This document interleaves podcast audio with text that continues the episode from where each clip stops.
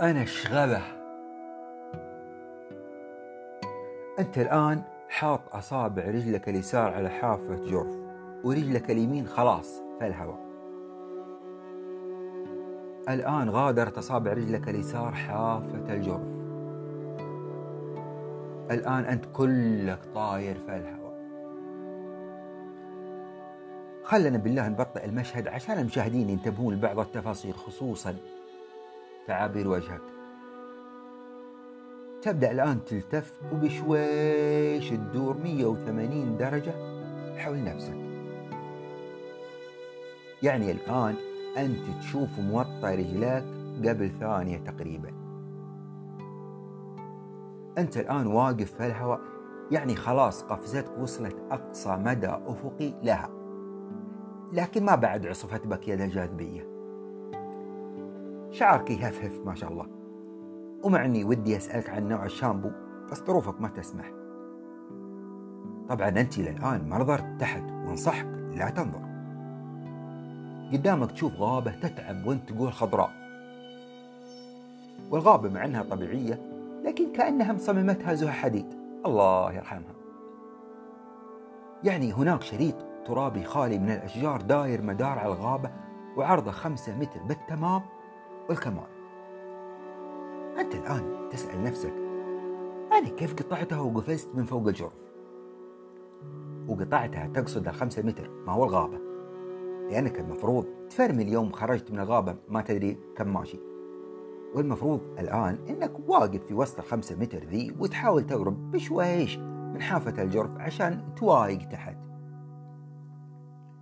يعني تقدر تقول إنك بديت تستوعب إن فيه وراك شيء كان يطاردك وخلاك ما تنتبه ان الغابة انتهت فجأة وقطعت الخمسة متر الترابية في خطوة واحدة حتى إن مالك جره على الأرض. وحطيت رجلك اليسار على حافة الجرف وقفزت. والآن تسأل نفسك وش اللي وصلني لهذا الموقف؟ ما عرفت الإجابة إلى الآن طبعا. هذه اللحظة يدفعك حب الحياة للعودة للجرف. هل السبب إنك نظرت تحت؟ لا طبعا. فأنت يمكن إنك شجاع بس ما هو لهذا الدرجة. أنت تعرف ولا تدري كيف إنك المفروض ما تنظر تحتك. الآن دماغك بدأ يضرب حمرها في سمرها لأنه يحاول يقنعك أنك تقدر تكسر قوانين الطبيعة وترجع تمشي في الهواء وتوقع برجلك على الأرض كأنك صقر وتدخل الغابة مرة ثانية لأنك تبغى تكتشفها وتستانس. فأنت من ديرة صحراوية وأول مرة تشوف غابة كثيفة كذا. وفجأة يطلعون من الغابة في نفس التوقيت ستة كأنهم توائم ما أنت محتاج إن أحد يقول لك إنهم آكلي لحوم البشر. تعيد شريط ذكرياتك فتظهر أمك في مشهد ما تدري متى حصل كأنها تطالبك لأنك مسرع. شكلكم راجعين من سوق ما أدري من عزومة فتقول لها شوي الله يحفظك يا يمه وتقلب الصفحة ورا. يظهر أبوك حاشرك في ركن وأنت في ثالثة متوسط لأنه شم فيك ريحه دخان وتقلب الصفحات بسرعة قدام يعطيك الكف اللي اكلته قبل 15 سنة. وتظهر الصفحة الأخيرة. أنت في طائره مسافر إسبانيا عشان تصيف. فتقول في نفسك ما شاء الله أنا غني. فترجع كم صفحة ورا فتتذكر أنك فزت أنك فزت بمسابقة قبل 10 أيام وحصلت على مليون دولار أمريكي. فطبعا حبيت تدلع نفسك. بعدها ترجع للصفحة الأخيرة وتبدأها من أول سطر. فتشوف دخان وناس يصيحون جوا الطائرة ومضيفة متعلقة بك تقول لك بالإنجليزي تكفى سيف مي بعدها ما تذكر شيء لأنه أغمي عليك كما يبدو. لكنك تستعيد وعيك فتلاقي نفسك في غابة. أول شيء بدر في ذهنك إنك مت وأنت الآن في الجنة. تستأنس طبعا. ومن حقك. لكنك بعد كم متر تلاقي شنطة ما شاء الله سليمة ما انكسرت. تفتحها وتقرب الكاميرا ويقربون المشاهدين معها يبون يتلصصون على قمصانك المشجرة وسراويلك الحمر والصفر والزرق وبسرعة تشيك انت على اغراضك فتلاقيها كاملة فتسكر الشنطة وتجلس عليها وتحط يدك على خدك. إذا ماني في الجنة تقول لنفسك وبعد دقايق تقوم على حيلك وفي لحظة تستوعب المعجزة اللي حصلت. فتسجد لله وتبكي بكاء يفت الصخر. من اللي يطيح من طيارة ويسلم من اللي يطيح من طيارة ويصل الأرض بفيلة وخدشة تنفض ملابسك فما يظهر غبار. تنظر فوق فما تشوف السماء من تشابك أشجار الغابة فتقول كيف ما انقطع الجاكيت؟ كيف ما تفككت أزرار القميص؟ كيف ما نشب بنطلوني في عود؟ تفتح جوالك وتنظر في الكاميرا تسريحك نفسها ما تغيرت. فتسجد مرة ثانية لله وتشعر أنك صاحب مهمة عظيمة على كوكب الأرض. ولا ما كان الله أسلمك؟ يلبسك زهو ما قد عرفته. تسأل نفسك هل سأكتشف علاج للسرطان؟ لكنك تتذكر أن تخصصك مكتبات. فتقول يمكن إني بسوي شركة بالثلاثة آلاف اللي بقت من المليون دولار وتصير شركتي تنافس شركة أبل. وتصير صورتي دائما جنب صورة ستيف جوبز. وتنتبه إن المليون دولار اللي فزت به قبل عشرة أيام ما بيجي من في حسابك إلا ثلاثة آلاف ريال فتقعد تحسب وين راح. وبعد الحسبة تكتشف إن فيه 990 ألف دولار ما تدري وين صرفتها. أو بمعنى أدق راحت تناتيف لكنك حي وهذا المهم الفلوس تروح وتجي. تحس بالجوع.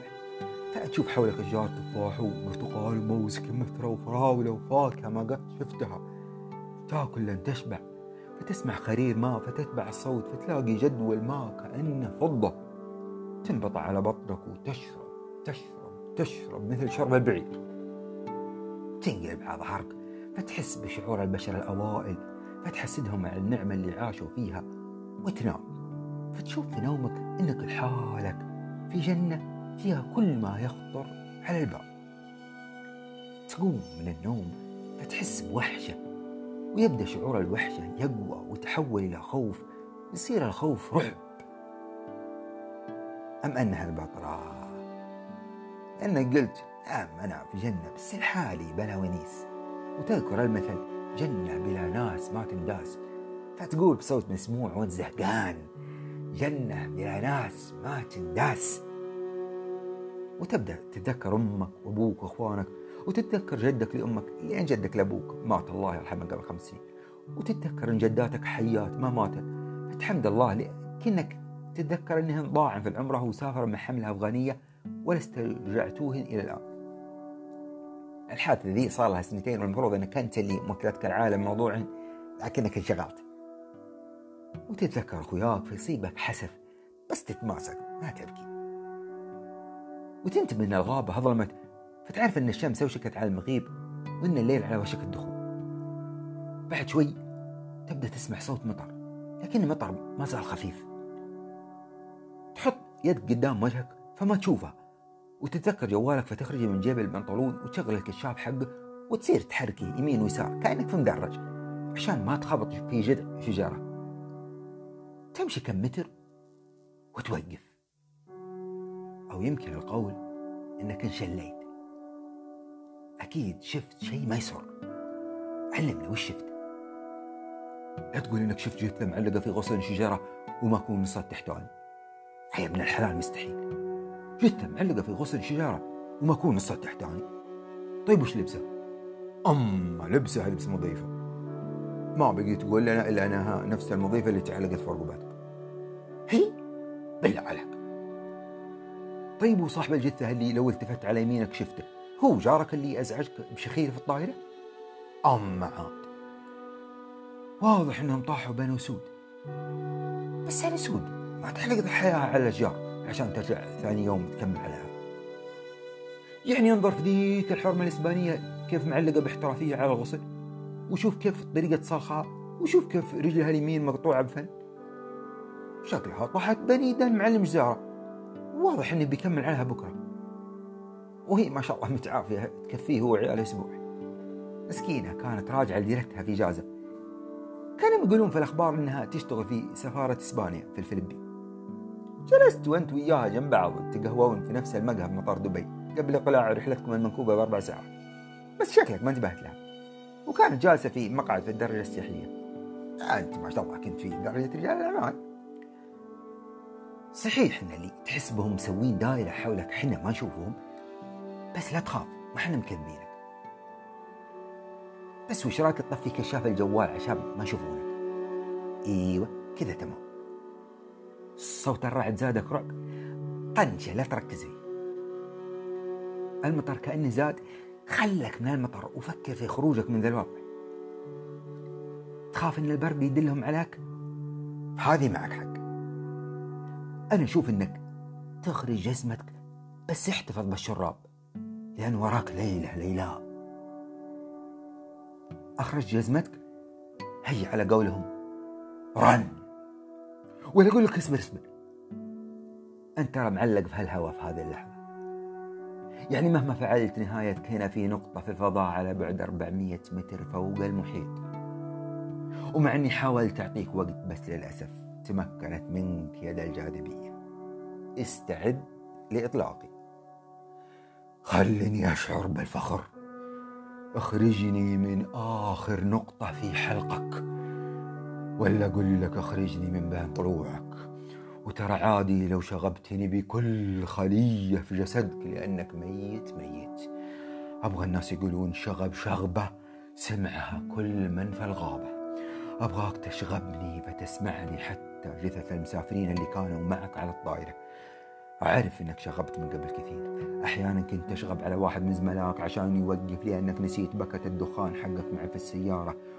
وأول شغابة شغبتها كانت على سيارة الآيس كريم تذكرها؟ كنت في رابعة ابتدائي. كانت الساعة تقريبا أربعة العصر فخرجت أنت من البيت فشفت سيارة الآيس كريم واقفة جنب ملعب الحارة متحاوفينها البزرين رجعت للبيت وسرقت ريالين من درج جنب سرير أبوك وأمك ويوم طلعت لاحظت سيارة الآيس كريم تمشي بشويش مقفية. قست المسافة وعرفت أنك ما بديك تجيبها. ومن دون وعي شغبت شغبة سمعها كل واحد من أهل الحارة. شغبة توقف فيها الزمن عن الحركة. شغبة خلت سواق سيارة الاسكريم يضرب فرامل بقوة لأنه عرف أنها المقصود بالشغبة. جارتكم منيرهم زميلك عابد قالت إن زجاج نافذة المطبخ حقهم تكسر من قوة الشغبة. والزجاج كان مشطوب وجات شغبتك وكملت عليه بس أنا آخر شغبة لك في حياتك. بدع في أول شغبة شغبتها في حياتك كانت قوية بس قصيرة لكن أنا قوية ووحشية وطويلة ما شاء الله. يعني أنت قطعت 300 متر الآن وبقي 100 متر ويخبط وجهك في سطح الماء وأنت ما شاء الله ما قطعتني. من دون مبالغة صار لي وراك دخان. لكنك في المتر 375 يعني قبل تلامس جبهتك محطتها الأخيرة ب 25 متر. وبالبطيء حتشوف ثلاثة قروش فاتحة في ميها تتنافس على الفوز بك. يعني الموتة اللي كنت تشعر بالرعب منها. طلعت ولا شيء مع الموتة اللي حتحصل. لك تتذكر اكل لحوم البشر فتقول ليتني خليتهم ياكلوني. على الأقل أكسب أجر فيهم. تنظر على يمينك فتشوف ثلاثة منهم متجاوزينك وتنظر على يسارك فتشوف الثلاثة الثانيين متجاوزينك الآن أنت وياهم كأنك طائرة مدنية في حماية ست طائرات عسكرية.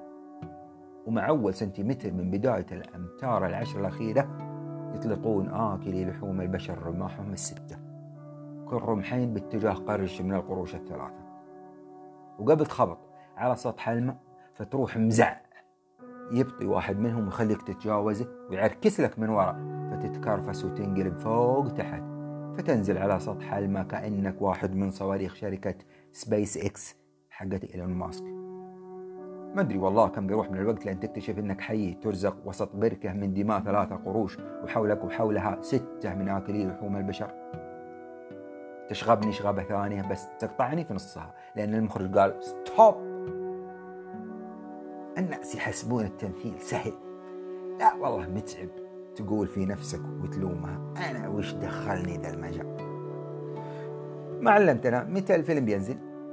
ولا علمتنا كيف تخرج من بين إيدين آكلي لحوم البشر. تكفى لا تقول إنك تموت في النهاية.